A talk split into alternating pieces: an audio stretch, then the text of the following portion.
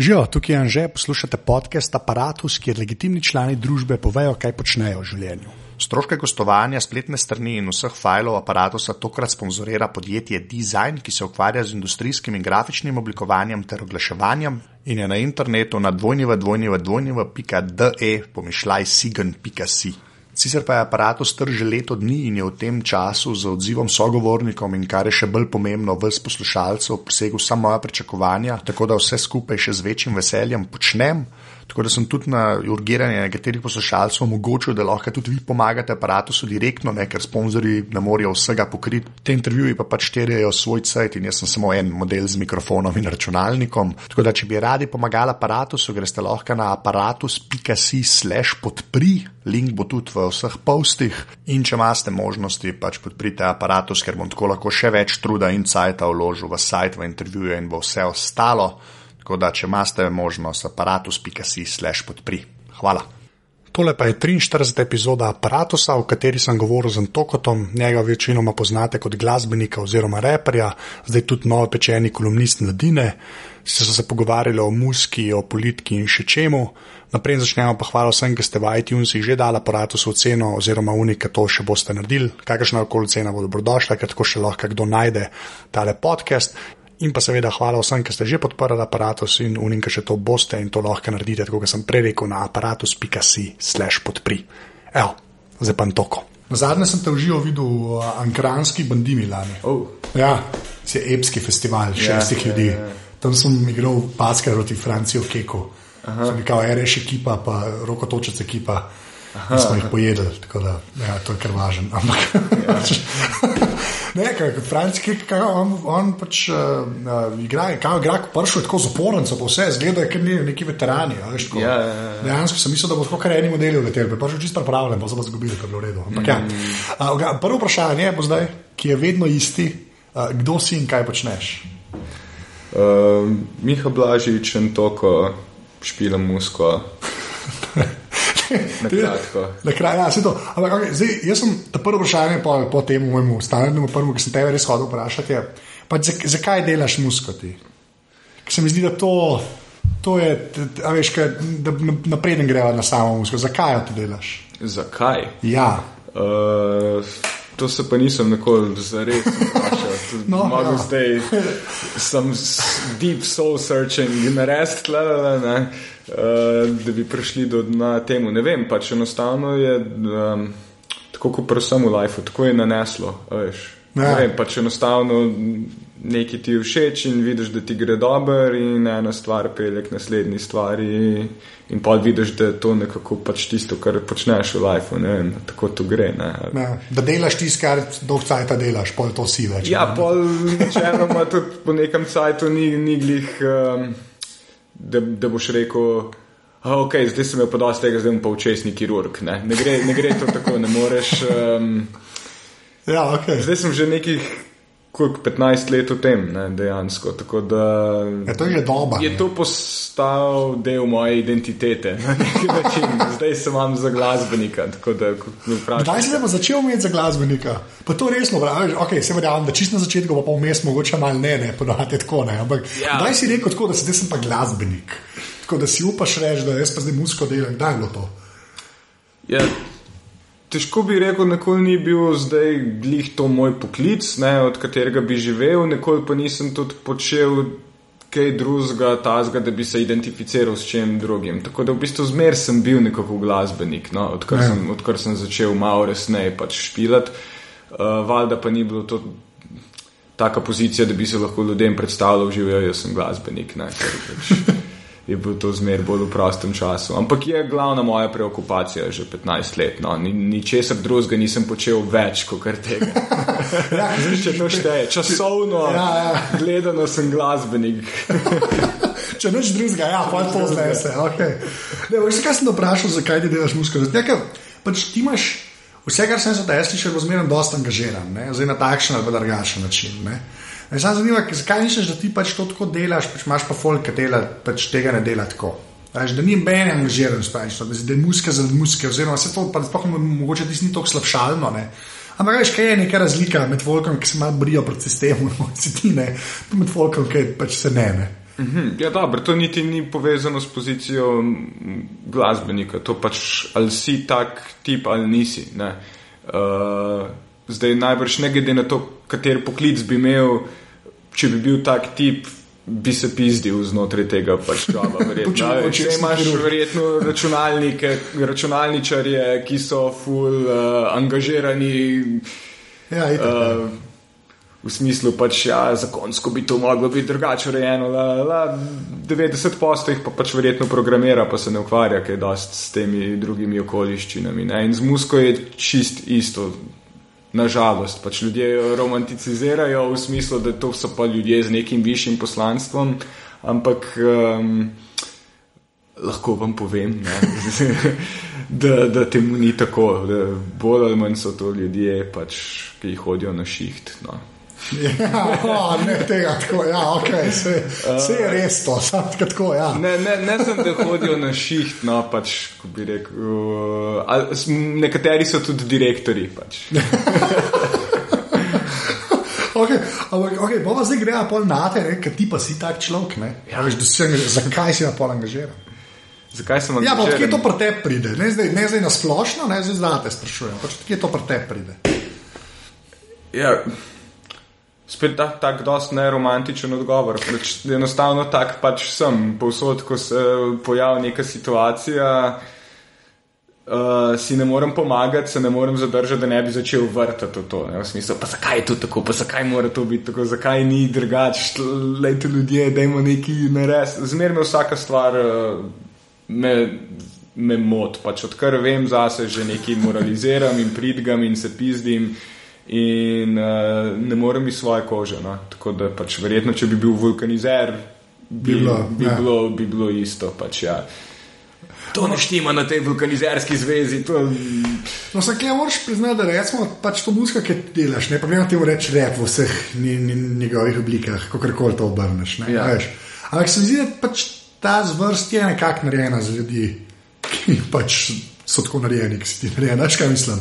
Mislim, v Sloveniji, le, v Sloveniji, pa v vseh muzikah možnih, ne, v repu je pa dejansko ne par ljudi, ne, ki so pa bili konkretno angažirani, pa so dolg cajt delali. Veš, klej ti pa ne samo Boris, pižama na začetku, čeprav si sam za šnop svejo, pa ni bilo to vse, kar je naredil, veš pa Walter Rapp, pa vsi te ljudje. Ne. Mislim, da neki, klej eni, grem staviti v popu v Sloveniji. Ne. A veš, je Ja. manj folka, ki bi bil družbeno angažiran. Res, jaz ne moram menga spomniti. Bi se brat, pa se ne mora, ampak veš, ampak zakaj, veš, mislim, Ker imamo kakšnega družbeno angažiranega pop izvajalca. Ja. Ja, čeprav bi rekel, da mu verjetno so včasih bili. Ne. Aha, da tako, da včasih zdaj ne. Jaz mislim, da včasih da so bili, zdaj težko. A veš, zdaj uh, tudi vprašanje, kaj je v 80-ih veljalo za pop in kaj ne, ampak Ja. mislim, da so bili tukaj tudi ljudje, ki so hitro preskočili zraven k nekim družbenim gibanjem in tako naprej. Ne. Uh, pa tudi, ne vem, do repa ne bi bil preveč prizanesljiv, ker je pač to samo ena, pač druga plat istega kovanca. Ne. Ja. Na drugi strani imaš toliko orto brez srane komercijale v hip-hopu, kot jo nimaš v nobenem popu. Ne. Uh, se pravi, Ja. mislim, da smo mogoče pač tudi ti, ki veljamo bolj za underground ali pa bolj za angažirane ali karkoli že. Um, Nekako proti pol temu um, Ja. izredno spoliranemu MTV-evskemu um, glamuroznemu svetu. Ne. Ja, se to, ampak se ti si v bistvu po eni- na eni točki popratala zadeva. Ne? Ja. A Veš, se ti s hip-hop ni več hip-hop. Mislim, Ja, ja, ja, a veš, ja. Na eni točki mislim, da prevesne. Če ga jemliš, kot se je tam začel, ne, pa je pa zmeraj američane, pa NWA, pa vse oni so dejansko imeli še nekaj zapovedati, ne, ker te mm. -hmm. zdaj so vsi sami homi, bitches and hoes. pač. Eni Ja, to, je, to je že dolgo tako. Ja, v bistvu je že nekaj cajta. Ne. Mislim, lahko za Slovenijo recimo rečemo, ja. ne, da je hip-hop bila stvar, kako bi rekel, a thing. Ne, uh, po mojem, tam nekje do začetka 2000-ih ne, je bila v bistvu to subkultura. Je bila v bistvu pač scena s svojimi pravili, s svojimi vrednotami in Ne, da smo vsi ljudje zdaj znotraj tega bili full friendly ali pa hangal ali pa ne vem kaj, ampak uh, nas je bilo malo in ko si videl nekoga, ko si videl, da je raper, pač Ja, okay. Hudo, a veš, sta dve dva bila brata, ne, sta imela nekaj zelo močnega skupnega. Ne. In um, potlej se je pa nekako, ko je rap začenjal prihajati, prihajati na radijske postaje, ko je to postalo nekako mainstreamovsko obetavna zadeva, v Ameriki je že bila že nekaj časa Ja. se in oči, pač se je posvetil tudi našim urednikom in založnikom, da bi bil mogoče pač Cajt. v 15 letih čas, da, da, da tle se pa da mogoče tudi kaj zaslužiti. Ne. Takrat se je začelo to um, prevešati na. Uh, kaj, kaj bomo zdaj, ko smo pa v medijih povedali. Ne? In tukaj smo se pa začenjali ločevati. Je bila v bistvu pač šola reperjev, ki je šla po zelo ameriški, MTV-ovski poti in ko so v bistvu direktno oponašali pač te trende. Uh, se pravi, če smo mi zdaj v Sloveniji pop glasbeniki, pa moramo izgledati kot ameriški pop glasbeniki in početi iste stvari. Ne? Ja. Ja. Pač mi, ko smo bili pač bolj. Uh, Alter smo pa rekli, ne, če smo mi alter reperi, moramo biti kot ameriški alter reperi, backpackeri. uh, a veš, in uh, tle, tle smo se zelo ločili. Ne, in to je um, najbrž zdaj deset let tega. Uh, in ko zdaj gledaš nazaj, je tudi ta ločitev v bistvu čisto absurdna, zato ker hip-hop pa več kot nekega univerzalnega statementa noben več resno ne jemne. Ne. Hip-hop je tudi samega sebe nekako nehal resno jemati že kar nekaj časa nazaj. Ja. In se mi zdi, da zdaj se bolj ali manj um, samo še zabavamo z njim. No? Pač ga mečemo v različne kontekste in vidimo, kaj, kaj še lahko ta pošast da od sebe. Okay, pa zdaj, res pa pol, da je ta, veš, da je ta, ta krivulja, ne, da se je že zgodila in da zdaj gre nadol, kar se hip-hopa tiče. Ne. Kot, tako kot se reko, neke zadeve, ki je. Ne. Ja. Kaj, kaj se pa pol zgodi? Kaj se ne kva, veš kaj, ne, skoti hočem reči, veš kaj. Pa roko je dosti logično, ne? veš, tisto, kar je bilo 20 let nazaj, metal je zdaj klasik rock. Ne? Veš, Ja. ja. je neka, ki je že toliko tradicije, veš, se da, se te žanri malo zamaknejo, pa funkcionira. Kaj, kaj se pa s hip-hopom zgodi? Jaz mislim, da se bo čist isto zgodilo. Ja, Jaz mislim, da bomo imeli klasik hip-hop, ne, točki, ja, ok. Uh, uh, pač v, muzej voščenih lutk. Uh, uh, imeli bomo uh, akademijo hip-hopa v Gracu in v Lincu in v Rotterdamu in ne vem kje. Um, nekateri pač mm, srednje ali pa manj uspešni, manj uspešne starešine se bojo na stara leta bojo postali mentori mladim, nadobudnim pač belčkom, ki bojo starši plačevali hip-hop akademije in vse skupaj bo izgledalo dost pač. Um, Tako kot zdaj izgleda jazz. ja. Jaz sem prepričan, da po drugi poti ne more, ne more iti, zato ker to zdaj ta nek uh, naboj se je razvodenel in se bo še naprej. Aha, okay. Uh, dokler ne bo to postalo res. A veš, zdaj ta generacija, ko bo odrasla in bo pač v neki meri tudi že je, uh, ta generacija, ki zdaj ustvarja denar, recimo na svetu, mm, bo to še vedno muska njihove mladosti. Ne? ja. In muska mladosti eh, srednjega sloja ga zmerno jebe. No, sem, oh, Krist, kjera depra, ampak ja se to až prav. Vse kol se bo nekaj Ne, drugega, veš, se ne, ni problem, se mu Ja. narija bo poslušala nove stvari, vse vse. Ne, ampak jaz sem pričakoval, da vsaj to, te romantike držiš, da si rekel to, kar si rekel, da se je ta naboj ne, od hip-hopa razdelil. A že mogoče hip-hopi pa lahko bil mal bolj imun na to. Ne. Kuk nabojamo pa danes pa. Ja, se to je. Vse to je it na njete, danes je piknik. Ne, to Ja, ni, ni več. Ja. God damn it, ok, v redu, zdaj si me. ja, ne, se po svojem šprom, ampak veš, jaz zmeram, jaz sem zmeram, vsaj pri hip-hopu sem zmeram ta feeling, glika si panko meni, veš, kaj pri panku je bilo tako, tam ti ni bilo treba dobro znati igrati, ne, malo mal je treba bilo bobnati, in se Repo ne ti dret, tudi ni ne. treba nič dobro. Ja, pa je to res, je to res. Je. Pa mi, Poglej si lestvice. okay, to, ja, o, oh, ja, ok. Ja, ah, Krist. Sem čisto me zaprl do škatlice, v kateri nisem hotel, da bom, ampak Lej, rap, Ja. ja. To je dobra stran. Mislim, jaz nisem uh, pristaš tega, da vsi raperji bi mogli biti tehnično full hudi in ne vem kaj. Pač. To je. Uh, rap je, jaz verjamem v to definicijo, da rap je črnski punk. Kar pomeni, da lahko nekdo brez ne vem kakšnih pač veščin vseeno nekaj pač pove. Ne? Um, tudi nisem zdaj full fan uh, tekmovanj in ne vem pač. Um, nisem fan nujno zdaj full nezga nadrkanga repa ali pa pač full hudih DJ-jev, ko vladajo pač tehnično skrečanje in ne vem kaj. Vse to, vse to neko fetišiziranje veščin, ja, je v redu, je doprineslo neki k tej subkulturi, ampak še zmeraj je pa pač meni najboljši slovenski reper eh, vseh časov vedno bil in vedno bo Klemen Klemen, ko je tehnično katastrofalen. uh, pač, uh, bez, ko bi rekel, zelo omejen vokabular ima in zelo osnovne šolske rime, ampak pač noben drug ni povedal tega, kar je on povedal na tak način. Ne. To je res. On je Rap je v bistvu, Ja. on je utelešenje repa, je to biti iz ulice in biti to, kar si in to pač pokazati v komadu. To govoriš trnovčano. tako Da, Ja. pač, ja, on je, to je res. To je, da zadaneš tok Zeitgeista, kot ga je on zadeval takrat, ne, Ja. Je kar, kar, kar umetnost. To je tista umetnost, ne Ja. zdaj resturiti pač neko formo, ki se Ja. lahko naučiš eh, na akademiji v Gracu, ampak uh, nekaj tako pristno povedati, oziroma biti to, kar, kar govoriš. To je veliko, veliko težje. Ne? Ja, ampak misliš, da je pol hip-hop bolj, da je saj temu dosti naklonjen? A veš, zato ker je pač bolj govorjena beseda, pa takrat, ko imaš nekaj zapovedati. A veš, da je lažje to, nisem lažji, pa da je to bolj tako narejen za hip-hop, kot za rock, recimo. Ne? Ali je, misliš, da je to samo muska in zdaj je bil pač hip-hop na krivulji, zdaj pa nekaj drugega? Verjetno, vi, lej, za, ne vem, vse zvrsti ne morem reči, ampak Ja. po mojem, da ni to tako poanta sploh žanra. Jaz mislim, da, je, da to pride ven iz človeka takrat, ko je njegova muska največ ali pa mogoče edino, kar ima v življenju.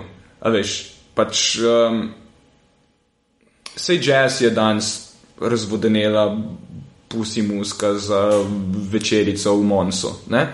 Ampak pač Parker ga je v New Yorku pihal, kot da se gre za življenje in smrt. Ja. Ne? Je bilo, pač je imel v kurcu life, ni imel nobenih drugih izgledov, kaj veš, ne bo postal očesni kirurg. Uh, Ampak Ja. je bil tisti saks njegov life in to, in to je tisto. Se pravi, se ne gre, se ne gre za zvrst, ne? ampak se gre za to, koliko sebe da človek noter v svojo musko. In največ se da takrat, ko pravzaprav je res full passionate motherfucker ali pa res nima ničesar drugega v lifeu. ne. In to je, zato je to subkultura, zato k tem stvarem privlači ljudi, ki ne izhajajo iz idealnih razmer, pa ki niso um, bodoča elita, ampak so ljudje, ki ne bojo nikoli elita, pa ti si pa v bistvu ustvarijo en svoj elitni krok tam na, na obrobju. Ne? In to je, tam nastanejo zelo močne in zelo lepe stvari. Ki jih potem elite takoj hočejo kupiti in naučiti svoje otroke to, in, uh, In in in uničijo smo- zadevo. Ja. Uh, ampak se stvar morfa naprej in Ja. nastanejo nove stvari. Se pravi, ne gre se zdaj za zvrsto, za žanr. Ne vem, v tehnu imaš tudi vel, zelo velik teg pristnosti. Um, pravzaprav katerakoli um, katerkoli žanr, ki nagovarja ljudi, ki pravzaprav um, nimajo nekih drugih uh, opornih točk v lifeu. Ne, Ampak zdaj, ki si rekel ta pristnost, pa, to, pa zdaj samo to, samo malo, da se politike dotaknemo, ne, ker ti na vsakega sajta se malo glasiš, ne, tudi tako, kar na unem blogu svojemu to, ne, kar sem bral. Um, pa zdaj to sem hotel vprašati, pa nočem vprašati na način desnice levice, ker pa to v Sloveniji ima čist neke druge eh, konotacije, ne. Ampak čisto, pač ta, ta eh, kako bi rekel, odgovornost posameznika, ne, veš, pa po na drugi strani neka socialna država, ne, to, kar ponovadi američani razmejujejo. Ne, Ja. Veš, um, pa zdaj, če gledaš pač čist prmuski, ne. A obstaja nekaj, kar je bolj za leve, veš, ko obstaja nekaj, ki je bolj za leve, pa nekaj, ki je bolj za desne. Pa zdaj samo za hip-hop govoriva. A veš, ne, a veš, kaj hočemo praviti. A veš, obstaja, če, če, če uh, skrajbaš na desno ali pa na levo filozofijo, pa zdaj lahko si to vsak v glavi po svoje predstavlja, kaj je levo, desno, ne partizani, pa dobranci, jaz tega ne morem več slišati. Ampak, mm -hmm. tako, veš, a, a obstaja nekaj, veš, znotraj hip-hopa, ali je to čist nemogoče zaradi tega, ker na začetku to pristno in je bilo subkulture in lo, ali pa le enkrat, ki elite to prazanje, za čisto zadnji rata vse. Come on, man, da je neki, ja, povej. Ja. Ej, hip hop je v ful kočljivem po- položaju, kar se tega tiče, levo, levo desno. Ne, No, saj Ga zelo zanaša, uh, kar si ne bi človek mislil. Ne. Mislim, če, če gremo najprej v Slovenijo. Ne. Okay, ja, no, daj, Če bi mogel sum up ne, slovenski hip hop, bi rekel, da je skrajna sredina. Ne, to, je, to je pozicija slovenskega Čakaj, hip a hopa. zdaj ali prej? A zdaj ali pa a tako? A, Zdaj, zdaj, okay, zdaj. okay. Slovenski rep je pač po, po svoji poziciji pozicioniran na skrajno sredino. Pač, um, je neke vrste Borut Pahor. Pač, je všeč vsem, dajmo se vsi imeti radi, daj- dajmo skupaj se zmeniti. Uh, A veš, ne, more, ne more se odločiti, ali- ali je eno ali je drugo, zato ker bi pač bilo vse. Um, in edini statement, ki ga zares ima, je to, da pač si želi biti všeč tebi, poslušalcu, ki imaš denar ali pa ki me boš volil ali pa karkoli že. Uh, recimo v Ameriki, ne, iz kjer hip hop uh, izhaja, je um, v zelo kočljivem položaju, ali je levo ali desen. Ne. Po eni strani pač ja, je to nekaj ljudskega, je na strani malega človeka, ne, govori o tistem človeku, ki ni institucija, ne, se pravi pač ok, tu bi se zdaj za delavce zauzemalo itd. itd.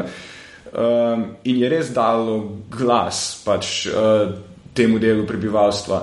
Hkrati pa pač je ta del prebivalstva tudi zelo konzervativen. Ne? Se pravi, na nek način um, uh, je, je veliko religije tle zraven, je veliko v, v bistvu pač. Um, Enih stvari, ki jih pripisujemo, pripisujemo desnici, eni, ene vrednote, v bistvu pač ene kontinuitete, ki ne težijo k napredku družbe, ampak k vrnitvi v dobre stare Stare čase. čase, Pač, ne.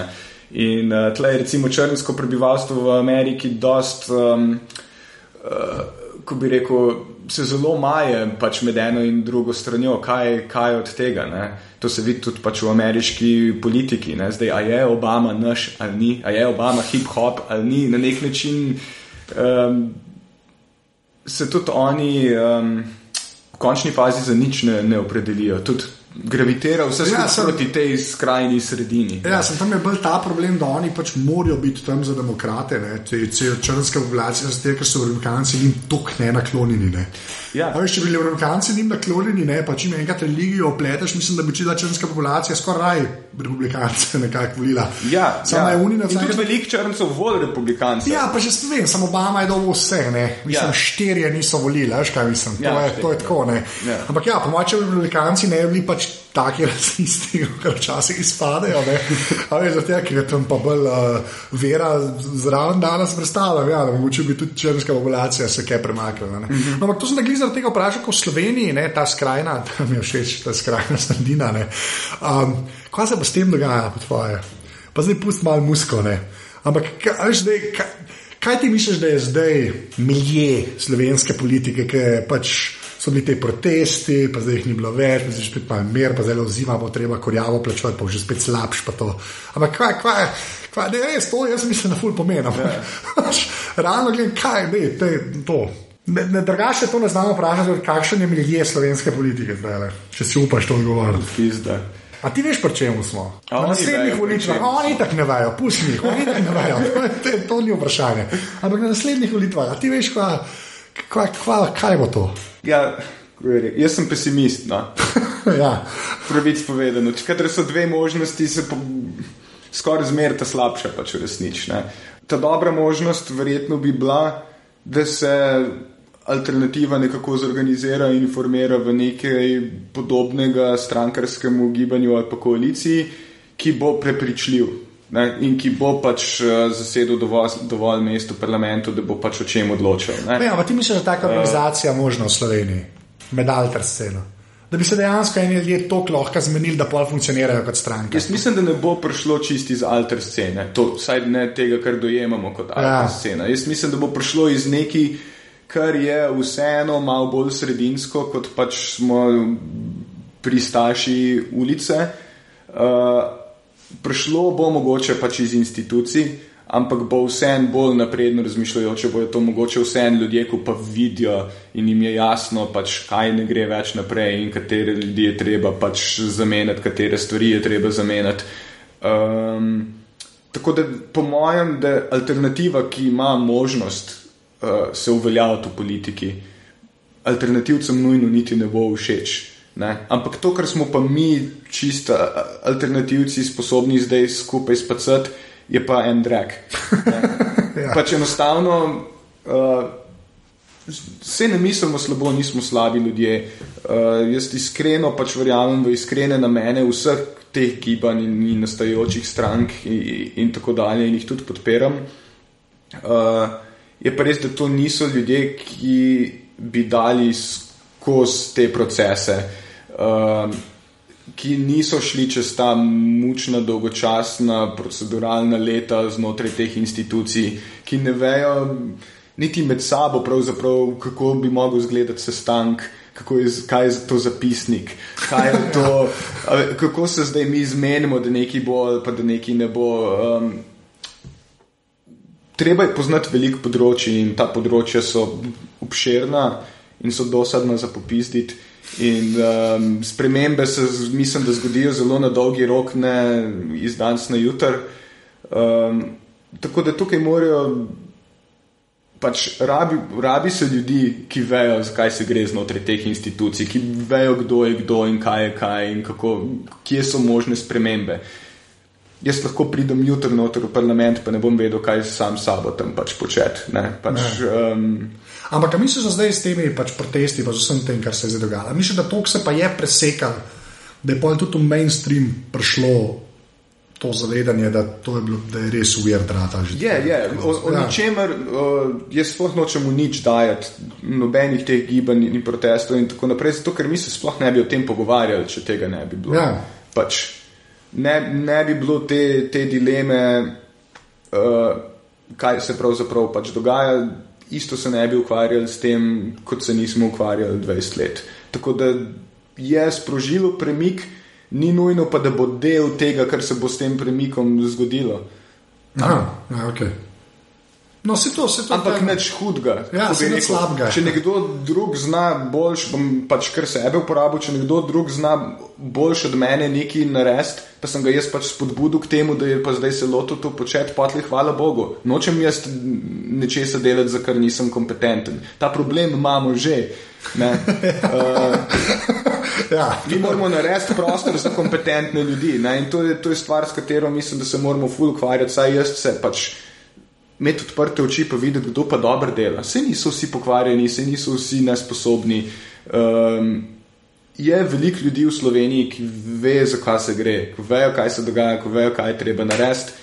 Um, in tudi, če se ne strinjamo, vedno so tudi celo ljudje, ki so sposobni se pogovarjati, pa iskati kompromise in se prilagajati.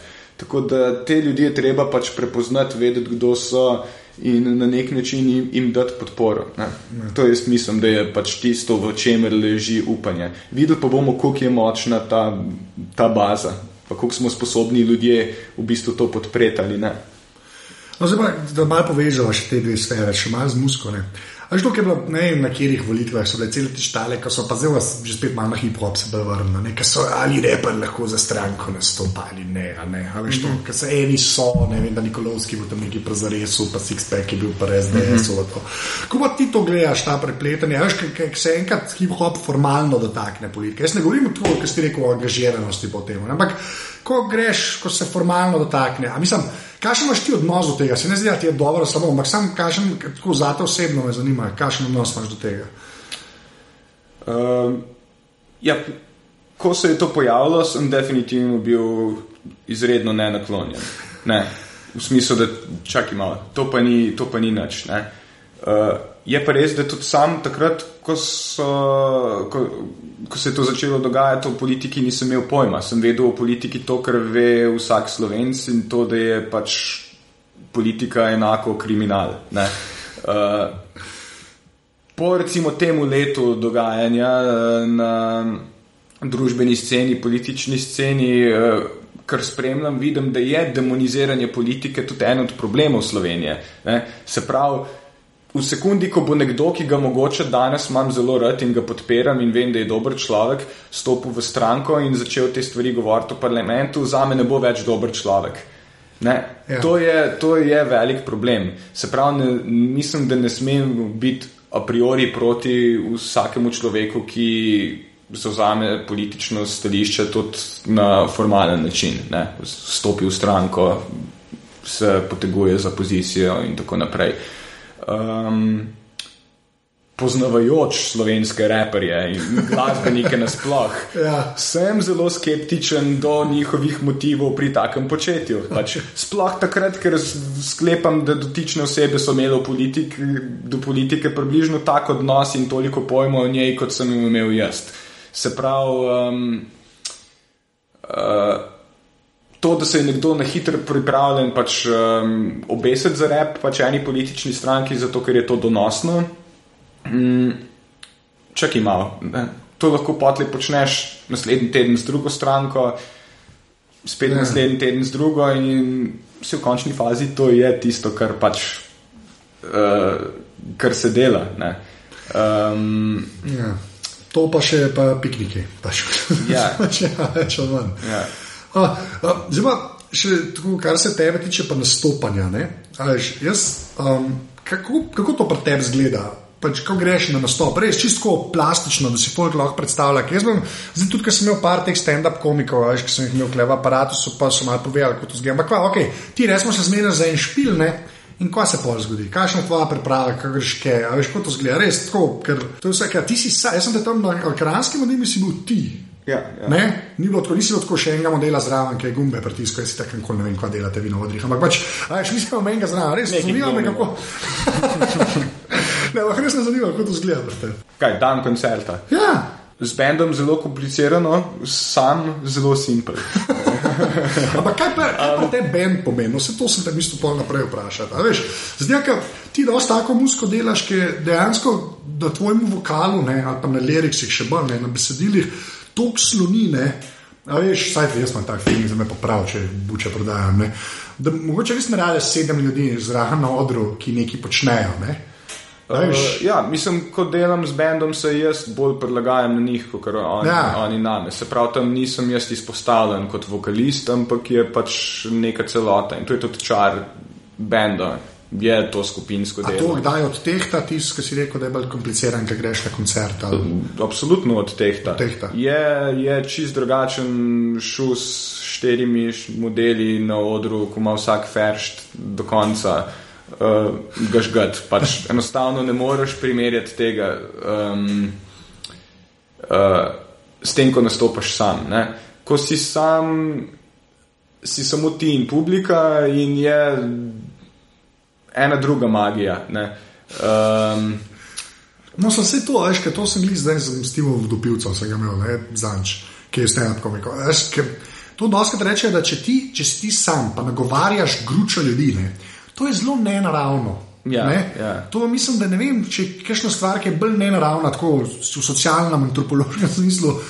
In zdaj me, veš, Ker to sem rekel, ker se z bendom, ne, tam pač v njih pet ljudi, vsak nekaj žge, se nekaj dogaja, veš, ko ni nujna pozornost. Pa pa, ker si sam, ne, to, kar se reče, ta druga magija, to ima razlaga, ti, kako se s tem ti spopadaš. Pač se spopadaš, ja. kako to dojemaš. No, ja, jaz sem začel par let nazaj, pravzaprav še da sam zares nastopati in to prav s to zavestjo, da se vrnem k nekim koreninam. Ne, koreninam repa, v smislu, da si ti pač tukaj sam na odru in če imaš kaj zapovedati, bojo ljudje poslušali in je od tega odvisen tvoj uspeh tvojega nastopa. Pri bendu ni tega kriterija, lahko nas noben ne posluša, pa imamo super špil. Aha, okay. pač, nara, mislim, valjda na vzven ne zgleda to kot super špil, ampak mi lahko proper naredimo svoje stvari in zadeva stoji, tudi če se vsi pogovarjajo v publiki in noben ga ne zanima, uh, kar se tudi kdaj zgodi. Ampak greš zadovoljen domov, ker veš, da si svoje delo pač upravil. Uh, če grem jaz na oder sam, pa me noben ne posluša, potem je to fail. Če jaz ne uspem do konca koncerta publiko na nek način spraviti v ta dialog, uh, se dejansko počutiš kot en bebec, ki nekomu nekaj govori in ta človek gleda stran ali se pogovarja z nekom drugim. In, eh, psihološko je izredno izčrpajoče in tudi zgleda klavrno. Prav, jaz moram, ko sem na odru sam, moram nekaj narediti. Ne? In to je v zadnjih letih spravilo veliko ven iz mene, se mi zdi. Um, Ko sem bil včasih bolj introvertiran, pač bolj sem se skril not v ta bend in pač smo igrali, je bilo lušno. Tle pa je v bistvu vsak večer znova je konfrontacija in vsakič je koncert drugačen. Nikoli dve stvari uh, dvakrat zapored ne palijo na, na, na isti način, če uporabim tak izraz. Ne. Enostavno moraš prebrati, kakšno je vzdušje in moraš v bistvu se vršiti v njega. Kako se pa prilagajaš, glede na vzdušje? Veš, kaj to pomeni, ko se prilagajaš na vzdušje? No? Raj tako vprašaj. Kaj, kaj je to? Recimo, prideš kaj, pa vidiš, da je tako, pa tako, vaj pa rečeš, okay, zdaj bom pa to naredil tako, ker sem prejšnji dan drugač. Kaj so te stvari, ki jih lahko narediš?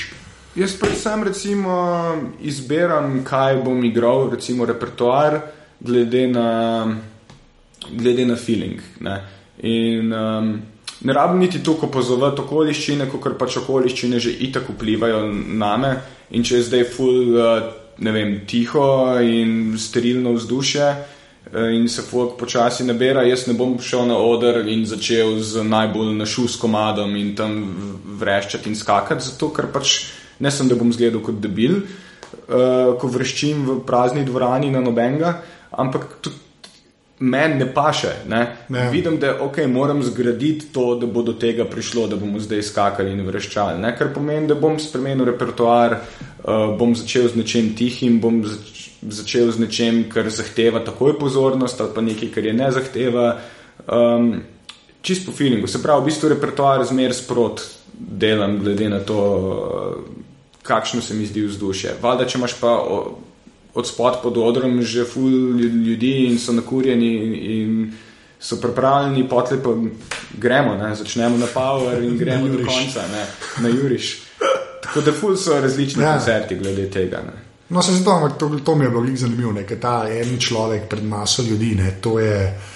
To jaz sem tako trikrat pravilce prepovedal, pa vem, kako to zgleda, ker si pač sam. In, ja, to, mm. to je, zato, ker sem tam in sem res videl, da sem tam delal sam, prej so bili sami bendi, ja, yeah. pa ti gor leto. Tako je, jaz sem to, kaj je zdaj. Škoda, ok, vsaka čas. Vse je bilo super, ampak tako, tako sem si predstavljal, ker dejansko. M, vzame, ne, tisti, kar pozavlja, predvsem na prebendu je drugačno. Ja, ja. no, pa, kar se še muzike tiče, ti si glih, ti si glih ustvarjaš, ne, glih čez ta obdobje, ko se je internet zgodil, ne, jaz to zelo rado vprašam tle. Mhm. Kako si, kako si to doživel, pa je sploh ta muzička industrija, ne, ki je dosti nasrkala, kar se interneta tiče? Ne? Kako si pa ti to doživel, ker si bil tam na začetku res underground, underground, ne, veš, ti nisi bil preniki leta 94, pa, se, pa je pol šlo vse na dol. Ne? Kako ste ja. ta, ta proces doživeli? Dan sem en full uh, um, dolg blog na to, točno to temo pač za odzven napisal. Um, ko bi rekel, zelo poenostavljeno, ne, je, je pač bil kaos teh zadnjih deset let. Ne. In pravzaprav mislim, da tisti, ki smo bliž v tej umestni generaciji, ki smo še doživeli to pač. Cajte, ko so se plate prodajale in ko je industrija laufala, je bilo vse v redu, smo doživeli to in smo doživeli vse, vse vmes, propadanje tega. Uh, tako da nismo tako zlahka sprejeli internet, se mi zdi, kot pač ga folk zdaj sprejema, pač to, da je muska zastojn in da je pač la la la. Um, takrat je bilo nekaj samoumevenega na tem, da če ti delaš nekaj, če nekaj objaviš, da si v nekaj investiral in ti nastopaš, in la, la, da si za to nekaj plačan. Ne? Um, enostavno tako je bilo, pač noben ni drugače razmišljal. Ne? In uh, vidim, kako so se recimo starejši kolegi glasbeniki. Še zdaj niso sprijaznjeni s tem, da teh časov pač ni več, da ni več samo umevno, da si ti plačan za svoje delo, če pač to delo nobenega ne zanima. Ne. Um, po drugi strani si imel ta folk, ki je bil čist nerealističen in so mislili, da bodo oni zdaj to pač zaščitili in da to bo pač nasilo se že nekako preružilo čez to in bomo že ta internet nekako ukrotili. Ne. Um, Po drugi strani si imel pa folk, ko je bilo pa ja, super, naj vse skupaj propade, pa vse zastoji na netu, hvala Bogu, to je zdaj demokracija, super. Um, tudi zelo naivno, zaradi tega, ker dejansko je propadla infrastruktura, ki je živela vse ljudi, ki so karkoli pametnega ustvarjali do tistega trenutka. Um, Kako se je pa ta infrastruktura bila sama kriva, veš tam noter?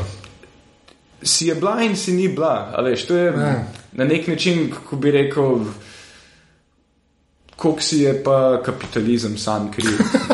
Veš, ja. pač, se je bilo super, da bi pač. enostavno, pač, ko neki laufa, nihče ne razmišlja, da je s tem karkoli uh, narobe. Ja. In um, nobena stvar pa ni večna, čisto vse je obsojeno na to, da se samo vase sesuje. In um, ko bi rekel, ja, so krivi v tem, da niso videli, kaj prihaja in niso imeli pojma, kako se bojo s tem pač uh, soočali in v veliki meri se še zdaj niso. Um, tako da krivi so za to, da je ta tranzicija bila grda. Um, mi, mislim, da to. Tako kot država Slovenija na, na nek način, ali pa Evropska unija kot celota. Veš, kon, ja. Enostavno, lej, lahko bi nam bilo takrat, ko je šlo super, bilo jasno, da ne bo čez deset let tako super. Ali ni to logično? Da, ja, ni, ni, to ne, logično? Mislim, ja. ni logično, da ne bomo eksponentno rastel v nedogled. Pač, ne? Jaz mislim, da zdrava pamet to narekuje, ampak pač dokler denar preteka, um, je vse v redu. Je vse v redu. Uh, in isto je bilo z glasbeno industrijo. Kar, kar mene pač pri tem skrbi, je, da tudi upor zoper to, zoper te institucije, ki je nujen ja. v neki točki, nikoli ne prenese nič dobrega. Ne? Je glih tako v zmoti, kot je v zmoti uh, sistem, tak kot je.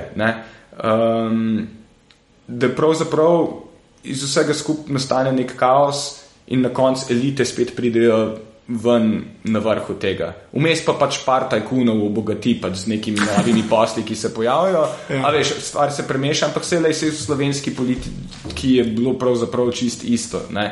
Vse smo imeli en, kontinu, eno kontinuiteto, politično in gospodarsko, ki je mlela in mlela, in pač v bistvu marsikaj ni štimalo, ampak to, kar je denar laufo, je bilo vse v redu.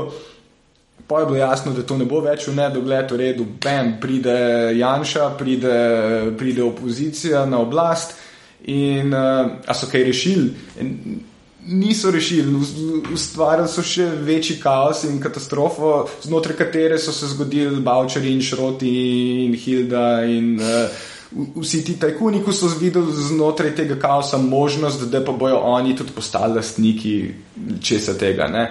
In um, končni rezultat je pa to, kar je pač danes v družbi in čisto isto je z glasbeno industrijo. Pač en kurac.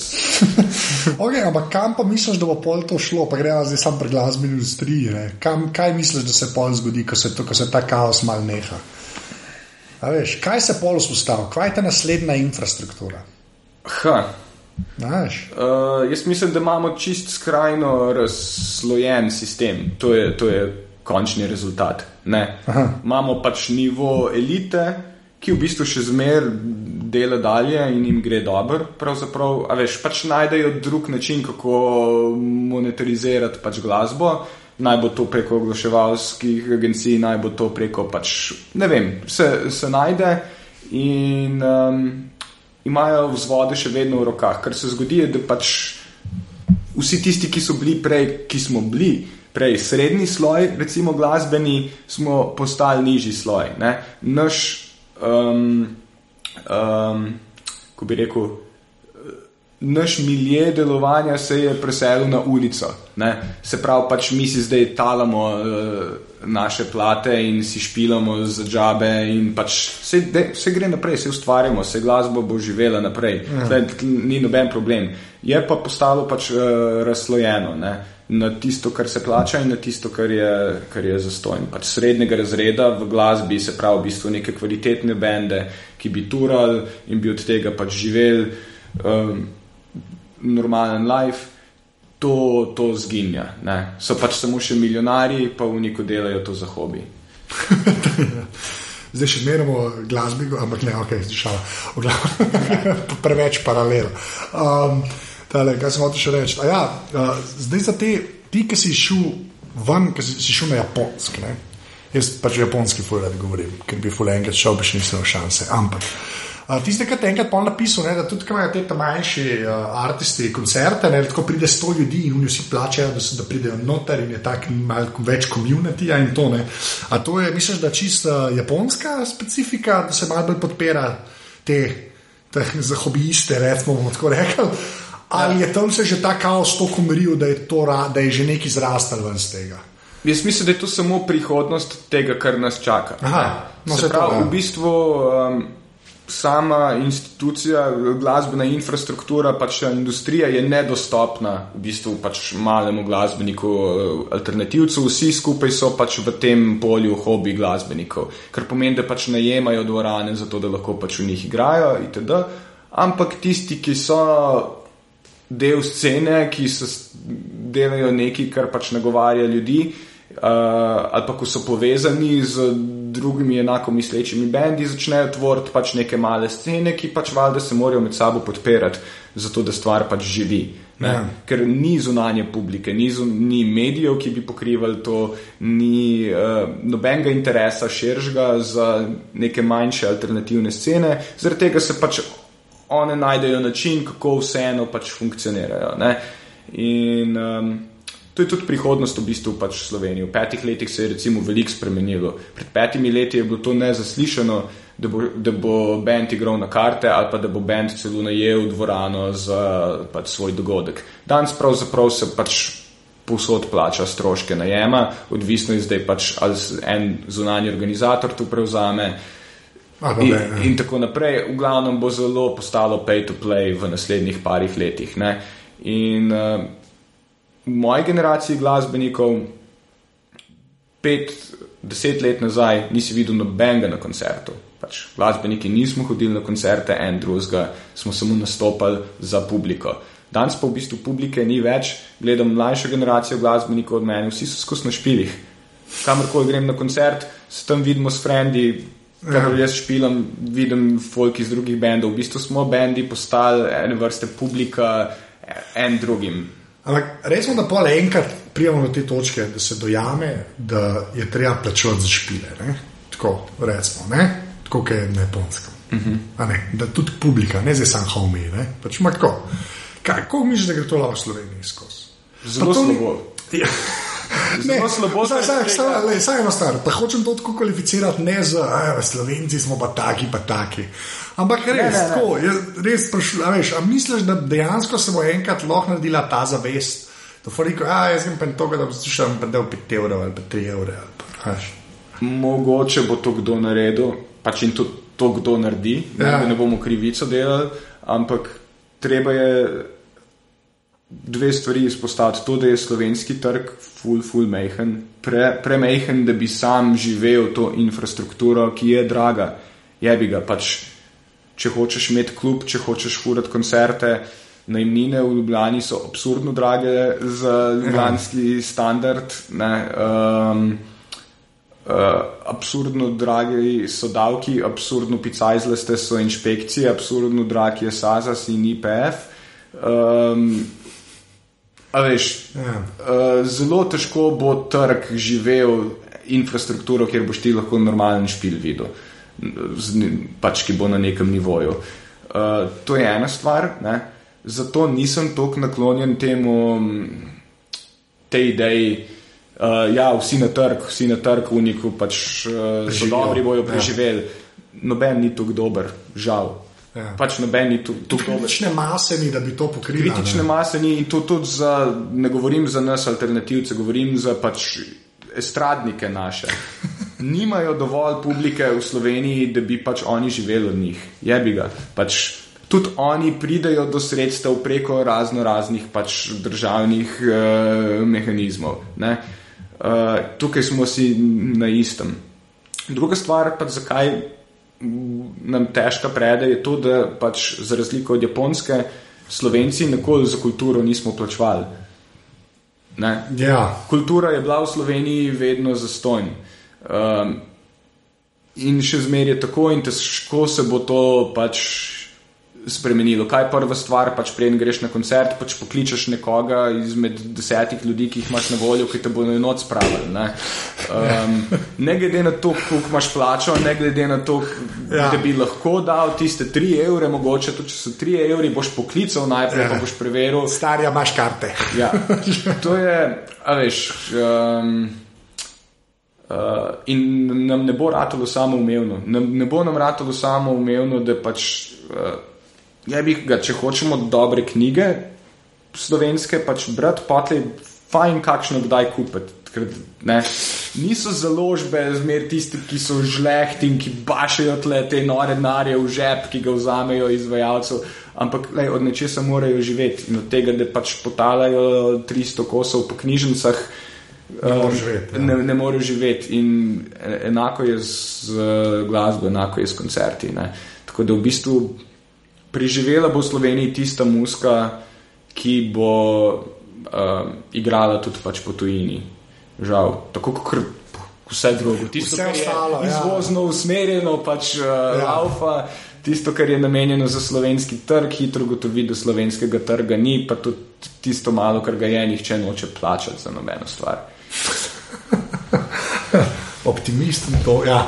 Okay. Ja, le, le, le, če jaz hočem nekaj, če jaz Ja. hočem nekaj, da obstaja, potlej pač moram nekaj za to prispevati, da ta stvar je. Ne? Se- se strinjam. Temu se v kapitalizmu reče neposredna demokracija. Ja. Ne? Se jaz sem zdaj za aparatus, lahko prek PayPala folk donira, veš, dejansko nekaj ljudi je, jaz sem tako presenečen v bistvu, no? tako sem mislil, da, da pač ne bo nič, ker sem bil dosti podobnega mnenja, pa se celo nekaj dogaja. Mm -hmm. Ampak ja, razumem. Ja. Ja, sej, lej, na grobu mečem vse ljudi v Ja, ja. koš. Ne, se obstaja folk, ki ima Ampak splošen zavest, trend ne. je pač, je pač tak, ne, Ja. Eh, da se ni ta zavest pač gojila. Ne, in um, uh, se, Amerika ima grozen sistem, pač, uh, kar se tiče kulture. Ne. Hkrati pa pač gre veliko privatnega denarja v kulturo. Sem tega, ker kdo plača karto pač. Ja, Ja. Ja, eno je to, drugo je pa tudi ljudje, pač, jo, ki imajo denar, jo podpirajo. Ne? Um, Ja, slovenskih mecenov je sedem, po mojem. ja, Ah, Krist. Še ena stvar, prej si strada omenil, to sem treba dobro vprašati. Kje se ti tle vidiš? To sem isto zlatko vprašal, ko sem ga imel. A veš, ko je dosti mainstream, ne, rato, pa še zmeraj dela neko, se mi zdi, še zmeraj dela na ta pravi način musko, ne, kar se meni tiče. Ampak kaj, kaj, kje se pa ti to vidiš? Ker to, ko če rečeš ljudem, že krvejo, veš. Mislim, tudi Kje? ne, pa krvejo. Ne vem, stari. res. Lej, jaz, vse jaz imam tak feeling, da veš, včasih sem že move knowledge, me, že to, to je tako, kot je bilo včasih mogoče en tok. Ampak zdaj mislim, da ljudje že malo, ali, ima- ali imam jaz narobno predstavo. Ti povej. Dobro, nisi bil v Big Brotherju slavnih, to razumem. Tega, Ja. te, te širine nimaš. Ne? Ampak sem to se me postavlja na realna tla, kadar imam kakšen redek intervju za, za neko bolj pač. Uh, Popovsko profilirano medijsko hišo, ne, in takrat pač rabim samo švrkant komentarje, da, da vidim pač približno, kje sem. Kdo je pa ta? Kje so pa tega najdel? A ja, vse je to. Ka, Okay. on kao, neki slovenski raper. Je boš to, nikoli slišal za njega. Ja, nisi čale sale, ali kaj on mu Ja, Ah, Krist. ni, Ja. Kaj ne, vem? ne, se to, se to me, veš, zato, ker, ja, jaz, dobro, jaz sem itak mal. vse to je super, a ni. Ja, Saj- saj- saj je no, fajn. no, Saj to. si ne želim biti čale sale, No, se nočem biti sladko, vse mi je super, da sem. To je, to je, ne, ne, se hvala Bogu. Ne, sej. ne ampak se glih, veš, glih na tem spektru se mi zdi, ene parva se, ki dobro furate to, veš, ki dobro surfate po tem med. Reči, da je čale sale na eni strani, ki so z njega najdla, ki so vedeli, da sem o njemu pogovarjal. ampak Da je čale sale na eni strani, pa recimo en, en samo Boris, ne, Ja. je pa drugi del spektra. Ne, Ja, ja, veš, ja, tako, ja, ja. Se mi zdi, da je ena par vas je, kot ti, pa pižama, resno tudi zlatko, pa ne zdi, da vas v isti koš nič, ampak se mi zdi, da nekako dobro surfate, a veš, ta kontinuum. Ne? Tako da še zmeraj, da ste ležit, ampak niste pa. Mi smo, mi smo ta val 202 spektr. Pa, aj to slabo, za se to je Mi smo, mi smo v, v, tem spektru, ko v bistvu glih uh, za dost. Um, uh, Lejte, bom rekel, Glih premalo smo, smo harš da, da bi nas lahko uredništvo ignorirala, zaradi tega, ker itak imajo absolutno premalo stvari, pač ki slovenske produkcije, Produkcije. ki jo pravzaprav sploh lahko furajo. ne. Uh, tako da pridemo če, skozi to sito. ne. Uh, in hkrati smo pa tudi dosti daleč stran od resničnega popa, da bi pač nas lahko al, al, alternativa metala v isti koš kot uh, No, ampak- čale saleta. ne. Ja. In tle je v bistvu. Um, Ko bi rekel, po svoje ja, je fajn pozicija, ker nagovarjaš več ljudi. ne. Um, hkrati je tudi nehvaležna pozicija, zaradi tega, ker te tvoji manj marajo zaradi tega. Um, Ja. Samo veš, v končni fazi, če že delaš musko, pa enkrat rečeš to, kar zdaj rekel, ne, da si ta navad, da si valne sto dva spektr, ne. Do slabših stvari se še lahko reče, če hočeš reči. Mislim, da- absolutno. Mislim, absolutno. sto dva je dosti kul. Oziroma, mogoče je to dobra stvar za val 202. Ne? Jaz, bi, jaz bi z veseljem, da val 202 še kaj, še kakšen korak naprej od mene sprejme v svoj spektr. Ne? Ok, ampak um, že to, kar se mi zdi, velja, veš, mislim za neko nacionalko, ne, ker pol alternativa je pa radio, katerega imena ne bomo omenjali, imajo v imenu ena. Ne? Ja. A veš, pač tisti je pa, mm. veš, Bog naredi, da bi kaj noter spadal, veš kaj mislim. Mislim, ne vem, Ja, ja, ja, jaz ja. to gledam. ne. Tako da, Sej, a veš, mislim, uh, zelo, zelo kočljivo je, pač, ko si v poziciji. Um, Ko pravzaprav ti nimaš zdaj menedžerja in nekoga, ki pač ve, kako te stvari grejo in tebe pač usmerja, to, to, to naredi, to bo fajn, to ne bo fajn. Uh, se ti znajdeš v enem temu medijskemu cirkusu, uh, ker vidiš, da je zelo pomemben kontekst ne? in je zelo um, na nek način hiter izpadeš, lahko full the best, uh, čeprav nisi nič naredil, ne? Ali pa hiter izpadeš full beden, čeprav tudi nisi nič naredil. ne. Ja. In um, na nek način ne vem, kaj mi gre bolj na živce, ali mi gre bolj na živce mainstream publika, ali mi gre bolj na živce alternativna publika, ker v bistvu vsi te dojemajo na nek način skozi sito um, tega, kar vidijo pač eh, v časopisih ali pa, ali pa na poročilih in tako naprej. Ne? In um, zelo težko ti sebe prezentiraš kot tak, kot si in to, kar si, preko tega. čez vsa sita pa filtre. Tako, pa, ja. Hkrati pa pa ti si misliš, ja, what the fuck, se, ja, jaz si pa mislim, pričakujem zdaj, da bo dva milijona ljudi imelo točno tako sliko o meni, kot si jaz želim, da bi jo imeli. Seveda jo ne bojo imeli. Ne. Pol čez nekaj časa vidiš, da je čist popolnoma vse en, pač kaj si oni mislijo o tebi. Važno, da mislijo na te. Skoraj si poetsko zaključil. Ja. okay, da greš zdaj še na ta hardware, pa software, kjer te vprašam, kaj uporabljaš. Pač to pomeni telefon, kom, tablico, kaj imaš, Uh, uporabljam uh, iPhone. kjer ga imaš. To je važno tle. Uh, Oh, kraj, stresno, 4, 4, S, 5. štiri. Štirko imaš, ok. Kaj pa uh, komp? Komp imam pa glih kar uh, novega Mac Proja, 13 inč.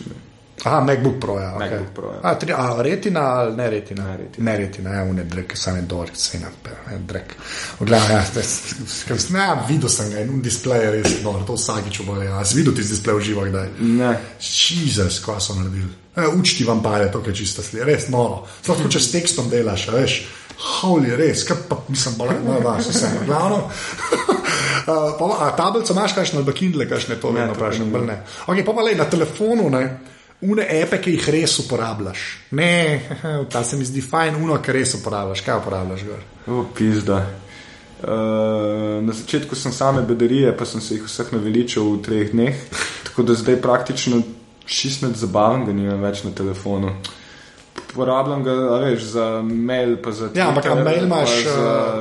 eno, ampak a mail imaš ta od Apple, ki je zdaj. Ja, Ja, ja. okay, kaj pa za Twitter, od Twitterja Apple si kaj drugega. z Twitterja, ja. A Ja, ta plava ptička, no, tako pač. Poglej telefon, ni panike, poglej. Nikoli nisem pomislil, da je več Apple. A je O, to še koliko jih je? Bela ptička. Ja, mislim, da je, ja, ja, to, je, to, je, to je default app. Ja. Pa Facebook imaš pa. Pa Facebook, pa Instagram, pa a veš to, da si kakšne file prenesem, da lahko ne vem, kakšno besedilo, la la la, kva še. A Safari ali Chrome? Chrome. Resno, tudi ja. na telefonu. A ja, ne na A telefonu. na telefonu pa ne, na Ne, telefonu na Safari. Uh, A na Meku pa Chrome uporabljaš. Chrome Za božjo voljo ja. uporablja pa Chrome tudi na uh, telefonu, ker Ja. se ti tebi sinkajo. Kar imaš odprt na, na kompu, ne, ja, pa lahko direkt odpreš na telefonu, ker se posinka, veš kaj je. prav, ja. To je full dobro. Sam povem. E, veš, kaj sem mislil še? Edino za Meko, pač ti Meka imaš sklepan tudi dosti zaradi muske. Ne? Ja. Ne samo kaj si, Logic, si Pro Tools, GarageBand, dost. A? Ableton. Kaj pa Ableton, pa ne vem, kaj je. To Ableton to- Live. Aha, To je, samo, to je app in samo v tem, da vse delaš v tem, Vse delaš v tem. Adoža. To je, to je v bistvu zelo, zelo simpel program za, za obvladati. V bistvu je bil bolj narejen, se mi zdi, kot da ti narediš skico komada, ker je dober za aranžiranje. Se pravi, imaš in za metanje od samplov, se pravi, ti zelo hiter pač. s- Imaš po delčkih stvar sortirano in potlej v bistvu iz tega sestavljaš pač celoto. Ne. Se je pa pač s časom v bistvu razvil v kar eh, resen program za, za produkcijo. Jaz sem z njim začel, jaz v bistvu komp uporabljam štiri leta, kaj tasga. Uh -huh. In um, za musko delati. In nikoli nisem pač sem na nič drugega potlej pač. Aha, vprašaj, vse, kaj enkrat znaš, le, hvala Bogu, ja. vse točno to. Okay, pa pa še ta zadnje vprašanje. Ena fizična stvar, ki je naredila vtis na tvoje življenje, lahko jo še imaš, lahko jo nimaš več. Kaj je to? Ena stvar. Zato sem te to vprašal, da je treba eno stvar izpostaviti. In tu si mi že namignil na začetku. Vmes med intervjujem nisem imel časa. Ja, je to pa, ki se debata zgodi. Zaposlil si me. Uh, ja, a veš, nekaj sem že star, fulje bilo teh fizičnih stvari. Ja, vse samo eno, eno moč. Um, ali je v dobrem smislu, ali tudi v slabem. Je star, to je uh, vprašanje, ki je, se da ga da interpretirati na milijon načinov. Tako Da, Dejansko potlej, ajde, gremo na kasnejša leta, da ne vrtam nazaj. Pač v zadnjih petih letih stvar, ko mi je prišla v roke, ko mi je na boljši na slab spremenila life, je bil res laptop. ne. Ja. Ker pač sem od te, prišel od tega, da nisem v življenju pač sploh nikoli sedel na, za računalnikom, do tega, da zdaj pač po 18 ur na dan sedim za računalnikom. ne. To je kar sprememba. ja, okay. veš, lepa. Ja. Delam na njem in prosti čas preživljam. A šel si pa v štartu na Meka. Ja. Ja, noč PC-ja, Uh, zakaj? Zato, ker v, v štartu mi je bilo to mišljeno kot orodje za nastope. A ja, za nastope, Za musko in za nastopati. Ne? In uh, glede na to, kar je bilo pač na, na, na trgu, sem pač videl, da je enostavno. Je najbolj zanesljiva stvar, in vsi moji frendi so mi to priporočali. In potlej sem rekel, kurc, Ja. ja. če že investiram, potlej grem v nekaj, kar pač. Valjda, ja. Kaj veš, kaj je malo je preverjen. Ne? Ja. ja itak, ja. Ne, sej, itak, če pogledaš po odrih, tako le se zberam jabuček svet. Zbere se jabolček Še nisem videl od HP-ja znaka tam gor. Da, Ne vem, ja. ja. zakaj je to, ampak tudi pač ja. Ja, zato, ja. Kadar, kadar, lej, jaz nisem drugač, pa sem mogoče na začetku bil dosti bolj fasciniran in sem bil večji Apple fan, Z- zdaj mi je pač bolj jasno, kakšne svine so. ne. Um, mi gre na, na kurac ta kult. Ne. Ja. Um, in mislim, da tudi pač počasi je imperij v zatonu, moje Ni. osebno mnenje. Uh, Star, tudi, na sredini so šele. Dobro, počasi. Na dolgi rok smo vsi mrtvi. Počasi, ampak lej, iskreno bom pa rekel, ko sem na odru, pač pa je zraven, ne vem, DJ ali pa drug glasbenik, ko, ko je pač na neko drugo mašino dela, rola, ne vem kaj, pač enostavno fucking vidim, da se matra v primerjavi z mano. ne. Ja. Moram pač reči, da tukaj pač zmer stvari so full bolj smooth. ne. Um, So. Edino, kar je, je, da moraš svojo dušo pač prodati v v tem procesu. moreš se in jim prodati svojo ne. mamo. In, ja. Okay, fair enough, pa. Uh, drugač pa, uh, kje te ljudje lahko najdejo na internetu? To povej. Kaj si na, Twi- na Twitterju, si en, en toko MC, ne? A imam prav, dej, glej, to je noro, z telefonom. At Ja, mi, at Antoko MC. ja. Pa sajt imaš tudi un, En, sajt je entoko.si. lepa, Entoko.si, pejte pa gor, so vsi linki na vsa na vse živo in to. Lepa. eh, udejstvovanja. Evo, to, je- to je to več ali manj. Uh, ful hvala, ki si za cajt. Hvala in... za povabilo. Evo. Tole je bila 43. epizoda aparata, Antokota najdete na Twitterju pod afnaantoko.mc, jaz sem na Twitterju afnaanzet. Feedbacka sem vedno vesel, tako da mi lahko težite prek Twitterja oziroma na mailu anzeafnaaparatus.si. In če imate šanso in lahko podprete aparatus, to lahko naredite na aparatus.si/podpri. Evo, to je do naslednjega tedna to. Čau!